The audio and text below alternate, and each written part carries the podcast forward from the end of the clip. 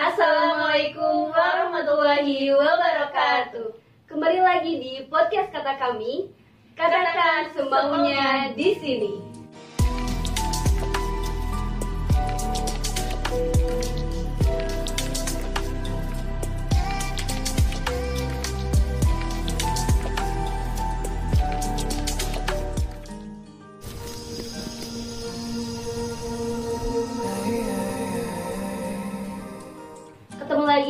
Saya Riana Lapsa di podcast kami. Di sini saya tidak sendirian, saya ditemani dengan saya Hanifah, selaku ketua departemen perempuan di kami Lubuk Bandung. Ya teman-teman, sebagai perempuan kita di sini mendapatkan sebuah kabar yang cukup miris dan menyedihkan. Bahwa ternyata banyak banget ya teh sekarang kasus-kasus pelecehan. Apalagi di kalangan para santriwati yang memang sekarang lagi banyak banget di apalagi di Cibiru terutama tempat kita sekarang itu kita menempati salah satu pesantren yang berisi mengenai semua santri yang ternyata tidak terduga bahwa yang melakukan pelecehan tersebut adalah gurunya. berarti memang suatu pelecehan seksual ini tidak bisa kita duga ya akan terjadi di mana pun dan apa pun.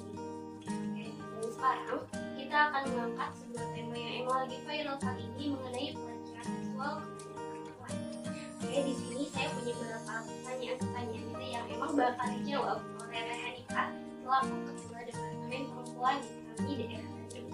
Oke, teh buat pertanyaan pertama ini, kira-kira apa sih penyebab terjadinya pelecehan seksual kepada perempuan terjadinya pelecehan seksual ya itu kan mungkin bisa gitu kita lihat dari segi pemahaman ya karena eh, kita juga harus gitu ya eh, menanamkan bahwa pendidikan agama itu sangat penting gitu, sangat penting.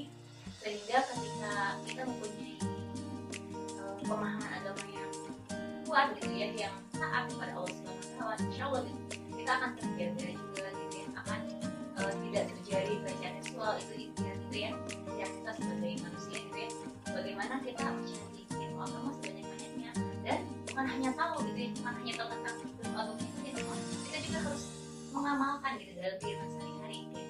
kayak eh, tahu agamanya tahu tentang eh, ilmu agamanya namun kita juga harus bisa mengamalkan itu karena eh, ketika kita sudah eh, tahu eh, tahu ilmunya dan mengamalkannya insya Allah gitu pelecehan seksual tidak akan terjadi gitu ya. Dan kita juga harus eh, apa ya hati-hati gitu pada siapa pun. Karena orang baik pun yang kita juga tidak akan melakukan hal itu itu bisa saja terjadi bahkan itu misalkan ada adik kakaan yang bukan mahram gitu ya yang eh, kita juga itu tidak punya gitu ya. Dia tuh emang suka ngajak ibadah kok gitu. Suka ngajak taklim bareng kok gitu ya. Apalah apalah yang baik-baiknya gitu. Ya memang itu hal baik semua orang mempunyai sisi baiknya masing-masing gitu ya. Untuk kasus pelecehan seksual itu tidak bisa kita duga gitu, siapa yang akan melakukannya di mana terjadinya gitu. Nah kita sendiri gitu perlu kehati-hatian di diri kita. Sudah paham agama kita harus berhati-hati. Kita harus menjaga gitu ya. Menjaga dari lawan jenis karena yang mahram gitu ya. Kalau menurut saya yang pernah menyampaikan bahwa perempuan itu ibarat seperti gerbang gitu ya. Membuka peluang gitu ya, apa ya misalnya eh, untuk masuknya ke dalam hati kita gitu ya. Apalagi perempuan kan lembut gitu ya hatinya tuh sangat mudah sensitif gitu ya tersentuh atau apa itu sisi itu tuh bagus kalau diasah untuk kayak kasih sayang orang lain kasih sayang anak-anak gitu ya. Namun ketika berhubungan dengan hati kita harus lebih ada hati-hati gitu ya. Eh, bagaimana cara menjaga hati gitu ya kita juga harus menjaga pakaian kita menutup aurat kita gitu ya dengan sebaik mungkin gitu ya. Karena perempuan itu istimewa perempuan itu adalah spesial gitu ya Islam ini di dalam agama Islam sangat eh, memposisikan wanita itu sangat spesial gitu. Jadi kita sebagai orang yang istimewa perempuan yang luar biasa Allah ciptakan sangat indah dari sisi mana pun kita harus bisa menjaga gitu jadi ketika kita eh, kalau tadi kembali ke gerbang gitu ya kita harus menjaga tegas harus berperilaku tegas gitu ya. Memang kita lembut namun ketika sudah berhubungan dengan hati ketika sudah ada indikasi atau sinyal kepada eh, apa kayaknya ini nggak baik deh gitu. kita kayak punya sinyal gitu ya suka punya sinyal. Kayaknya itu udah nggak baik dari arahnya gitu. Kita harus tegas di situ. Agar apa agar laki-laki juga tahu batasannya. Gitu. ketika kita sudah tidak menutup peluang eh, tidak membuka peluang itu bahkan menutupnya rapat-rapat itu mereka juga akan sendiri gitu akan mundur mundur mundur dan akhirnya eh, apa menjaga gitu. Kita kan bisa menyelamatkan banyak orang ya menjaga hati kita menjaga hati laki-laki juga kita menjaga semua orang gitu. Bahkan generasi kita ke depan kita kan kita kita jaga gitu mulai dari diri kita sendiri pada perempuan kita harus bisa menjaga gitu ya agar kita tidak kalau gerbangnya tidak terbuka dan dia masuk dengan seenaknya gitu masuk bahkan ke ruang-ruang eh, privat kita gitu ya kalau misalkan ibaratkan ruangan gitu ya. kita harus bisa tegas kita harus bisa menjadi perempuan yang memang lembut yang memang penuh kasih sayang namun perlu tegas ketika menghadapi sesuatu yang berurusan dengan hati kita berurusan dengan eh, sesuatu yang eh, perlu kita jaga kita harus tegas. Jadi masalah apalagi masalah hati ya. Ya bahaya banget Iya, ya pak. banget. Kita harus tegas, tegas, tegas, tegas. Itu itu perlu banget. Perempuan harus tegas itu karena ketika tegas, tegas di sini ya, jadi eh, laki-laki juga akan tahu batasan dan mereka akan otomatis tidak akan mengganggu kita gitu ya, karena mereka juga ini perempuan punya prinsip gitu ya. Jadi ketika eh, kita punya prinsip, ketika kita punya apa ya, tameng untuk diri kita gitu ya, takut kita kepada Allah gitu. Nyaman mungkin kan pertamanya mungkin di awal rasa nyaman ya yang tidak terasa. Terbuka terbuka terbuka dan akhirnya eh, apa ya rasa nyaman itu menimbulkan eh, mungkin ada lain lain lain lainnya ya mungkin peluang zina juga mungkin bisa terbuka dan awalnya dari itu ya. Dari eh, adik kakak yang tanpa status akhirnya sang statusnya jadi juga jadi pacar atau apa ya yang eh, yang Allah haramkan gitu ya. Ketika seperti itu itu kan ridho Allah tidak ada di situ gitu ya. Dan suatu hal bisa terjadi. Siap eh, siapa pun juga mungkin kita mencurigai bukan mencurigai berhati-hati gitu ya. Eh, karena nggak ada sih. Ah nggak mungkin dia mah nggak mungkin dia mah. Itu kita tuh harus lebih berhati-hati gitu. tidak ada yang tidak mungkin makanya ketika kita sudah menjaga diri gitu ya eh, mencari ilmu agama banyaknya gitu ya. Eh, dan kita menjaga diri kita menjaga pakaian kita supaya rapi gitu ya agar kita juga tidak menjadi peluang fitnah gitu ya. Eh, dan kita juga membantu para mata laki gitu ya untuk eh, menjaga pandangannya kita juga menjaga pandangan kita juga. Dan kita saling lah saling berlomba untuk taat kepada Allah gitu ya. Insya Allah gitu peluang hal-hal negatif pelecehan seksual ini tidak oh begitu terus bagaimana nih saya kan masih ada di orang-orang yang memang dia menjaga dia berpakaian aurat dia pun berjumlah suami tapi tetap aja gitu ada suatu hal-hal yang memang menyebabkan dia menjadi Eh, sebetulnya ya kenapa gitu ada orang yang menjaga gitu ya menjaga gitu ya tapi tetap gitu pelecehan seksual ini terjadi gitu ya. Ya itu kita perlu eh, kembali lagi ke kita gitu ya kita tuh perlu berhati-hati. Di mana pun kapan pada siapa pun gitu. Karena kita juga kadang ah nggak mungkin dari rumah gitu ya. Misalkan teh eh, selaku siapa yang mempunyai jabatan atau mempunyai ilmu yang sangat tinggi bahkan gitu ya yang kita sangka tidak mungkin melakukannya. Namun ketika ada nafsu ya pasti setiap manusia ada nafsu ya. Ya pasti apa ya eh, kita juga perlu berhati-hati sangat gitu kepada siapa pun. Karena tidak eh, ada yang tidak mungkin sesuatu hal itu terjadi gitu ya. Bahkan kepada orang yang mungkin kita sangka itu tidak mungkin melakukannya gitu ya. Nah itu jadi kita lebih harus berhati-hati eh, kepada siapa pun dan di mana pun gitu ya. Itu teh jadi memang kita juga suka udah berusaha ya untuk menutup aurat gitu ya. Terus untuk eh, satu hal yang perlu kita jaga kita eh, jaga dengan baik gitu. Namun peluang-peluang itu pasti tetap ada. Namun kita bisa membatasi dan itu nah, kalau kita berdoa kepada Allah ya Allah eh, jagalah aku ya. karena kemampuan saya untuk menjaga diri saya itu hanya terbatas mungkin tapi Allah yang menjaga eh, Allah pasti lindungi hamba gitu. Dari godaan ataupun dari gangguan orang lain gitu ya. Ya intinya, intinya kita perkuat doa kepada Allah dan kita terus deketin Allah gitu. Bahwa Allah pasti jaga saya gitu. Ketika saya berusaha untuk menjaga diri dan Allah pasti akan bantu saya menjaga diri saya. Kayak gitu. Jadi eh, kita terus gitu kepada Allah karena mungkin eh, ketika kita sudah menjaga dan Allah uh, berusaha untuk selalu gitu ya uh, melindungi kita di mana pun dan kita berada gitu kita kita uh, perlindungan dari Allah insya Allah gitu. Ketika kita berusaha dan Allah melindungi Allah jaga insya Allah tidak akan biasa ya berarti yang kunci utamanya kita hati-hati pada siapa pun. Karena tidak ada yang bisa memastikan bahwa dia itu memang benar-benar baik. Karena kita terbatas kita hanya bisa melihat dia dari luar. Yang memang tahu sebenarnya bagaimana jadi bagaimana caranya kita meminimalisir sebenarnya kita berikhtiar tidak terjadi hal tersebut.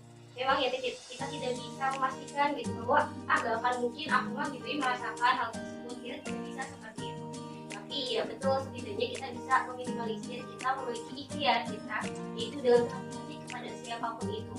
Tidak ada istilah gak akan mungkin karena dia soleh ya karena dia bapak saya atau misal karena dia dosen saya nggak akan. Jadi nggak boleh ada pemikiran seperti itu tetap harus hati-hati kepada Oke, maka teks selanjutnya siapa aja sih teh yang emang berperan untuk mencegah terjadinya pelecehan seksual ini? Untuk mencegah ya saja sih yang mencegah gitu perbuatan pelecehan seksual ini jadi berperan aktif untuk uh, mencegah itu. Sebenarnya banyak ya ya. Mulai dari diri kita sendiri gitu ya untuk melakukan uh, apa ya hal-hal kebaikan yang kayak apa ya kita tuh perlu ini mendekatkan diri kepada Allah Subhanahu gitu ya. Diri kita pribadi orang tua khususnya orang tua ya. Orang tua ini sangat berperan gitu ya dalam proses pembentukan anaknya uh, maksudnya bagaimana dia pola pikir dari kecil itu juga mempengaruhi gitu dan ini uh, terlibat dalam uh, pencegahan uh, pelecehan seksual ini. Ya salah uh, apa salah satu yang mendasarinya gitu ya. Ini uh, orang tua penting untuk mencegah hal ini memberikan pendidikan yang baik gitu kepada anak bahwa yang baik itu seperti ini loh gitu kan ya tidak baik seperti ini gitu. Ya dari kecil dia paham dan ketika sudah besar juga tertanam dengan kuat gitu ya uh, ilmu dan pendidikan yang baiknya gitu. Soalnya tidak tidak akan terjadi. Terus masyarakat juga masyarakatnya agamis ya yang uh, apa ya insya Allah menemukan pandangan gitu ya meskipun dalam uh, zaman sekarang itu ya menundukkan pandangan itu menjadi hal yang uh, perlu dibiarkan lebih gitu ya karena teknologi uh, yang semakin berkembang saat ini ya pisau ya. Jadi kedua belah pisau itu yang bisa jadi bermanfaat untuk uh, dakwah misalnya dan bisa jadi membawa kita kepada kebenaran bagaimana caranya? Kadang di internet juga apa yang kita cari ya apa yang tidak kita cari pun ada gitu ya. Tiba-tiba muncul. Ya tiba-tiba. Nah itu tuh perlu gitu kita siasati bahwa uh, kita harus menggunakan sosial media ini dengan baik gitu. Jangan sampai kita adanya uh, perkembangan zaman ini sosial media ini malah membawa kita keimanan kita gitu ya. Melihat sesuatu yang tidak baik gitu ya. Melihat sesuatu yang harus dari yang Allah uh, tidak ridhoi gitu ya. Suatu perempuan-perempuan yang haram dia lihat dia lihat gitu dari gitu ya. Mudah-mudahan kita terlindung dari seperti itu gitu ya. Baik perempuan atau laki-laki itu perlu menjaga pandangannya. Apalagi di zaman sekarang yang kita perlu berhati-hati lebih gitu ya. Karena banyak sesuatu yang bisa menjerumuskan gitu ya. Iman kita gitu ya. Mata kita hati kita gitu. Itu dari perkataan perkataannya gitu ya jadi perlu kita lindungi terlebih dahulu gitu karena uh, adanya kasus pelecehan atau apa pun juga ya kadang kan berawal dari kita. Kadang ya dari mata dan mata kita yang perlu kita jaga. Mudah-mudahan Allah selalu ya mata-mata kita hati kita juga perbuatan kita amin. Ya selain uh, itu masyarakat ya yang uh, islami yang uh, agamis gitu ya. Terus kita juga dari pemerintah itu perlu gitu ya bagaimana penerapan penerapan peraturan-peraturan yang baik sehingga tertegaklah gitu ya. Peraturan yang baik sehingga mereka uh, masyarakat terarahkan tidak semena-mena.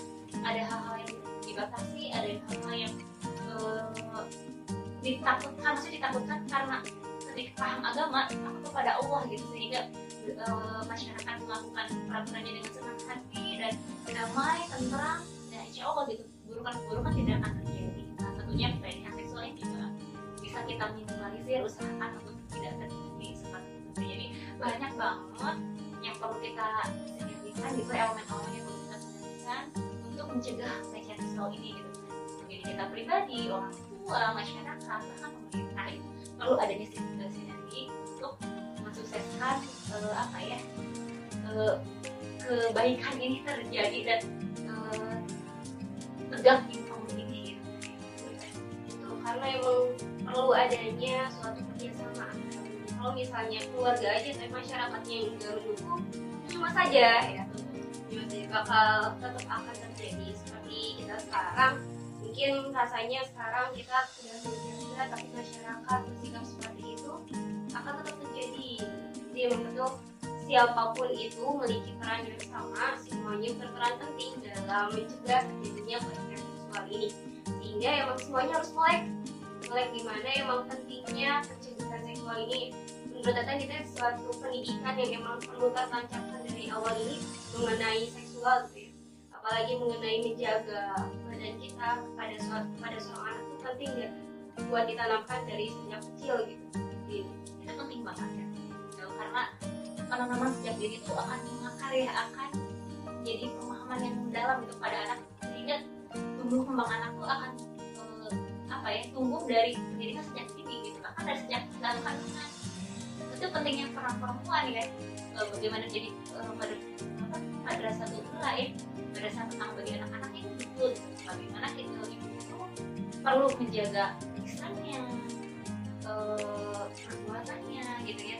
Apa pun yang dilakukan ibunya atau orang tuanya itu akan menjadi membekas di anak itu.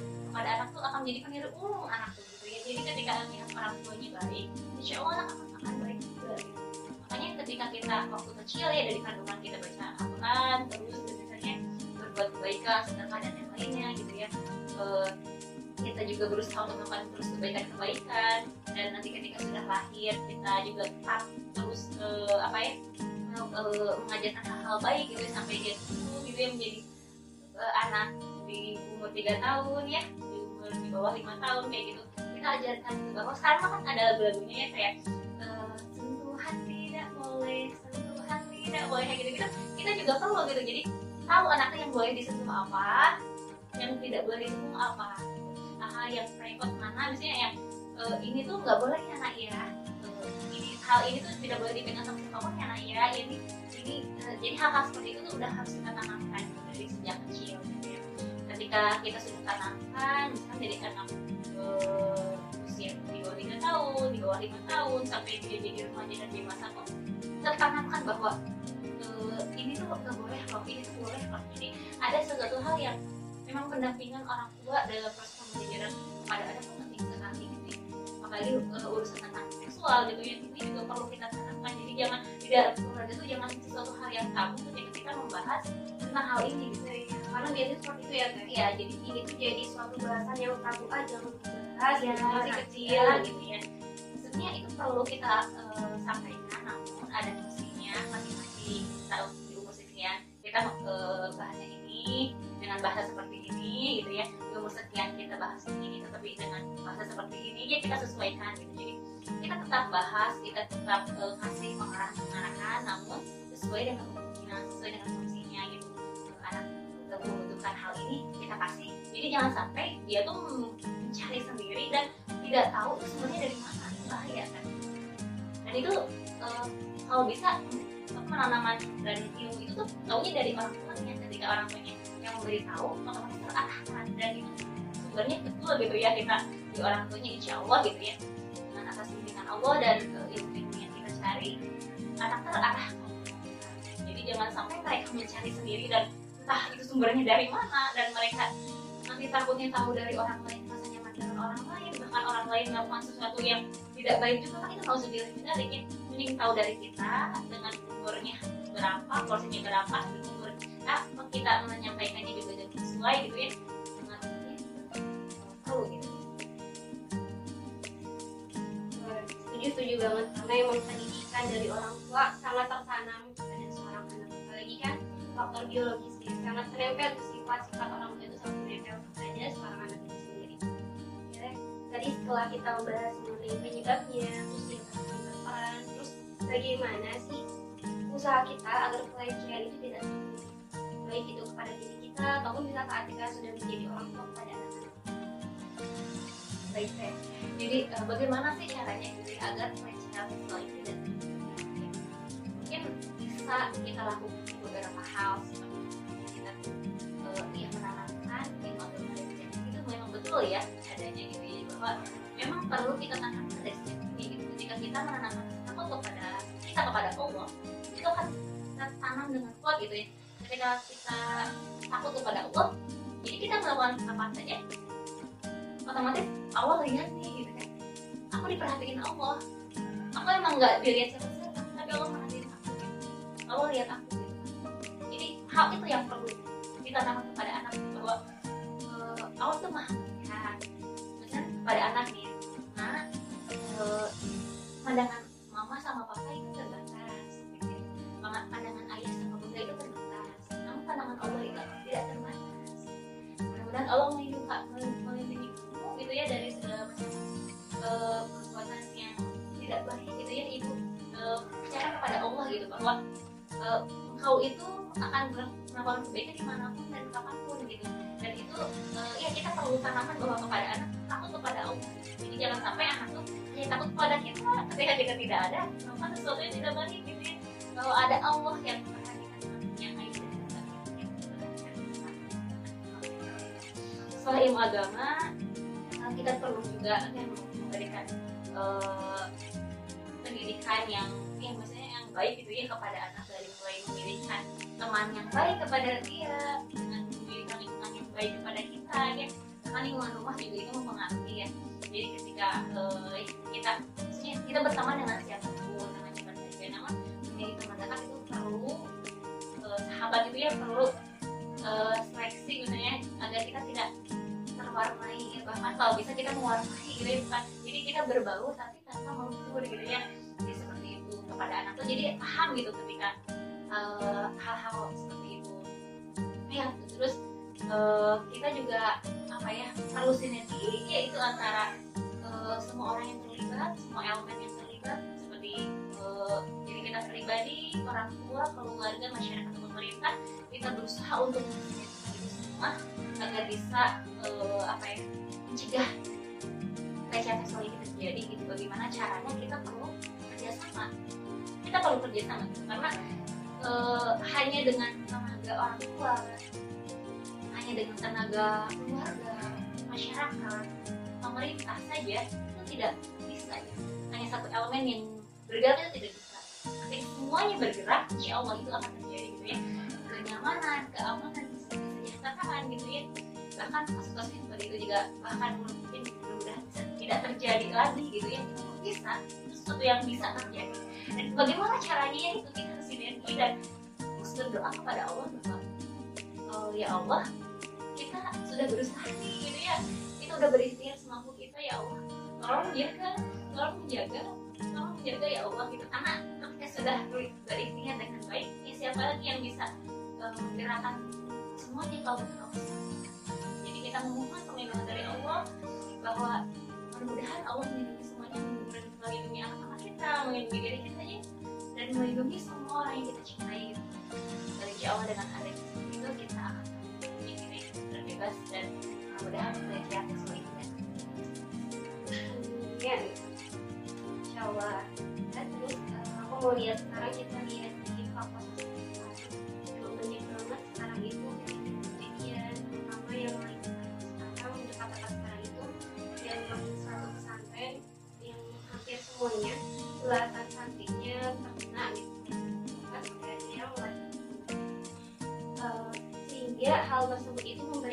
memberikan suatu dampak negatif juga kepada masyarakat lain terutama perempuan ah aku mengganggu pesantren aku takut takut dilecehin kemarin baru aja kita dengar ada salah satu murid yang bilang katanya saya aku mau gak mau pesantren kenapa ah takut hamil katanya bilang kayak gitu serem gitu ya kita serem liatnya dengarnya juga gitu wah ini emang berita ini emang bener-bener uh, dampaknya besar banget gitu ke di sini mungkin pesan teteh bagaimana teteh menyemangati anak-anak untuk jangan takut.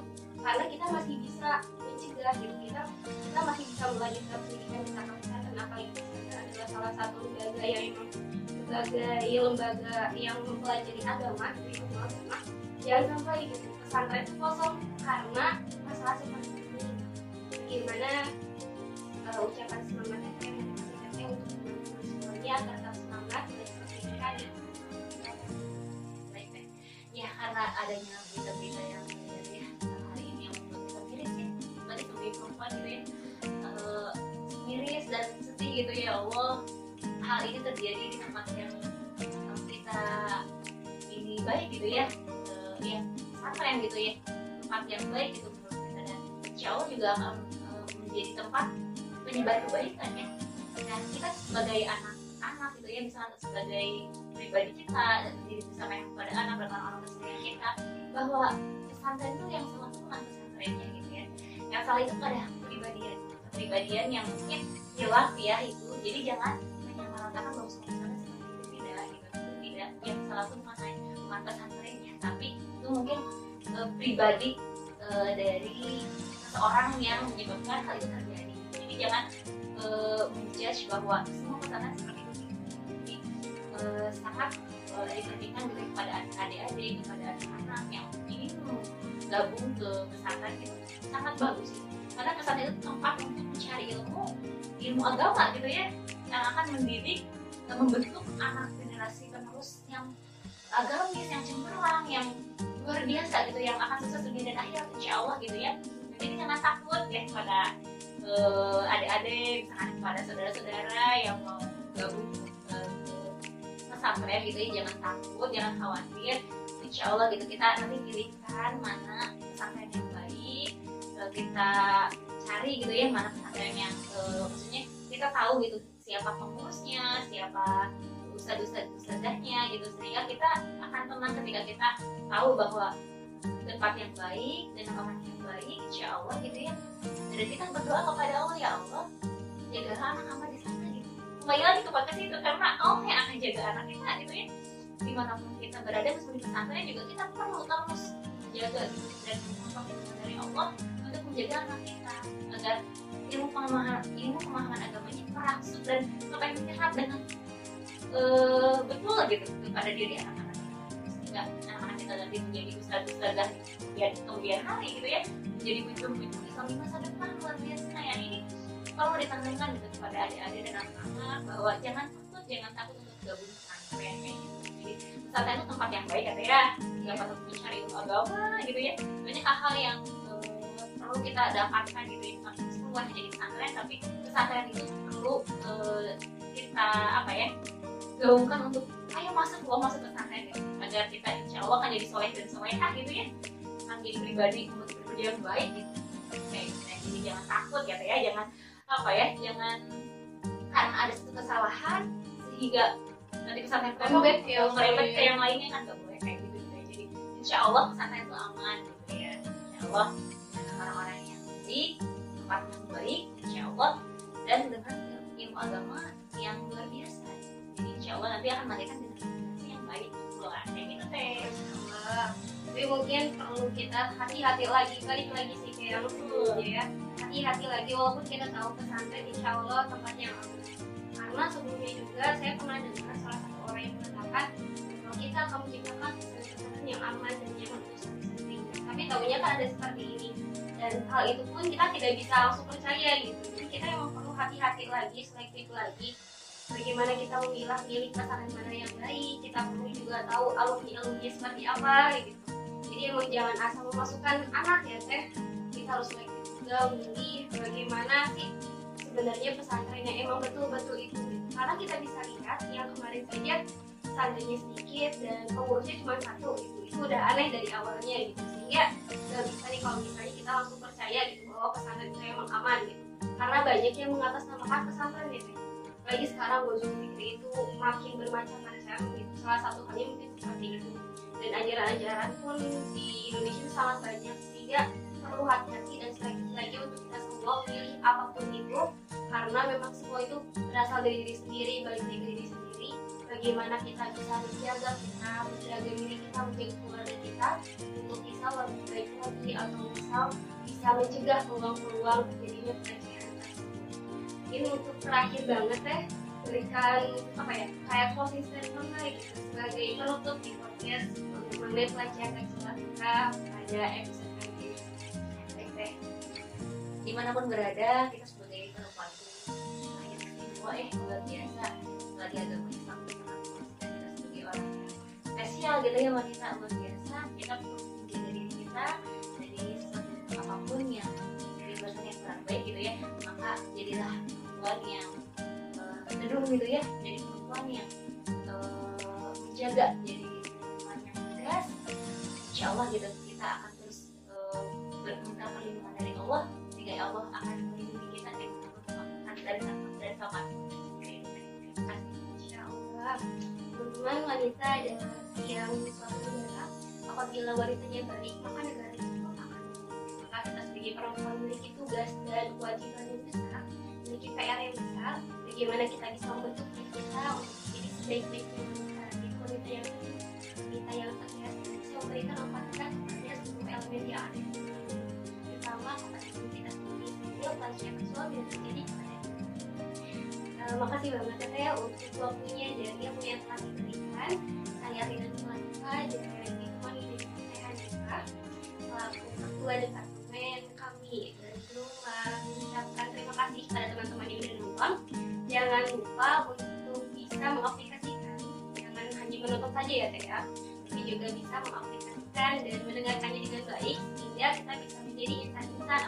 tokoh-tokoh yang baik dengan bisa menjaga diri kita.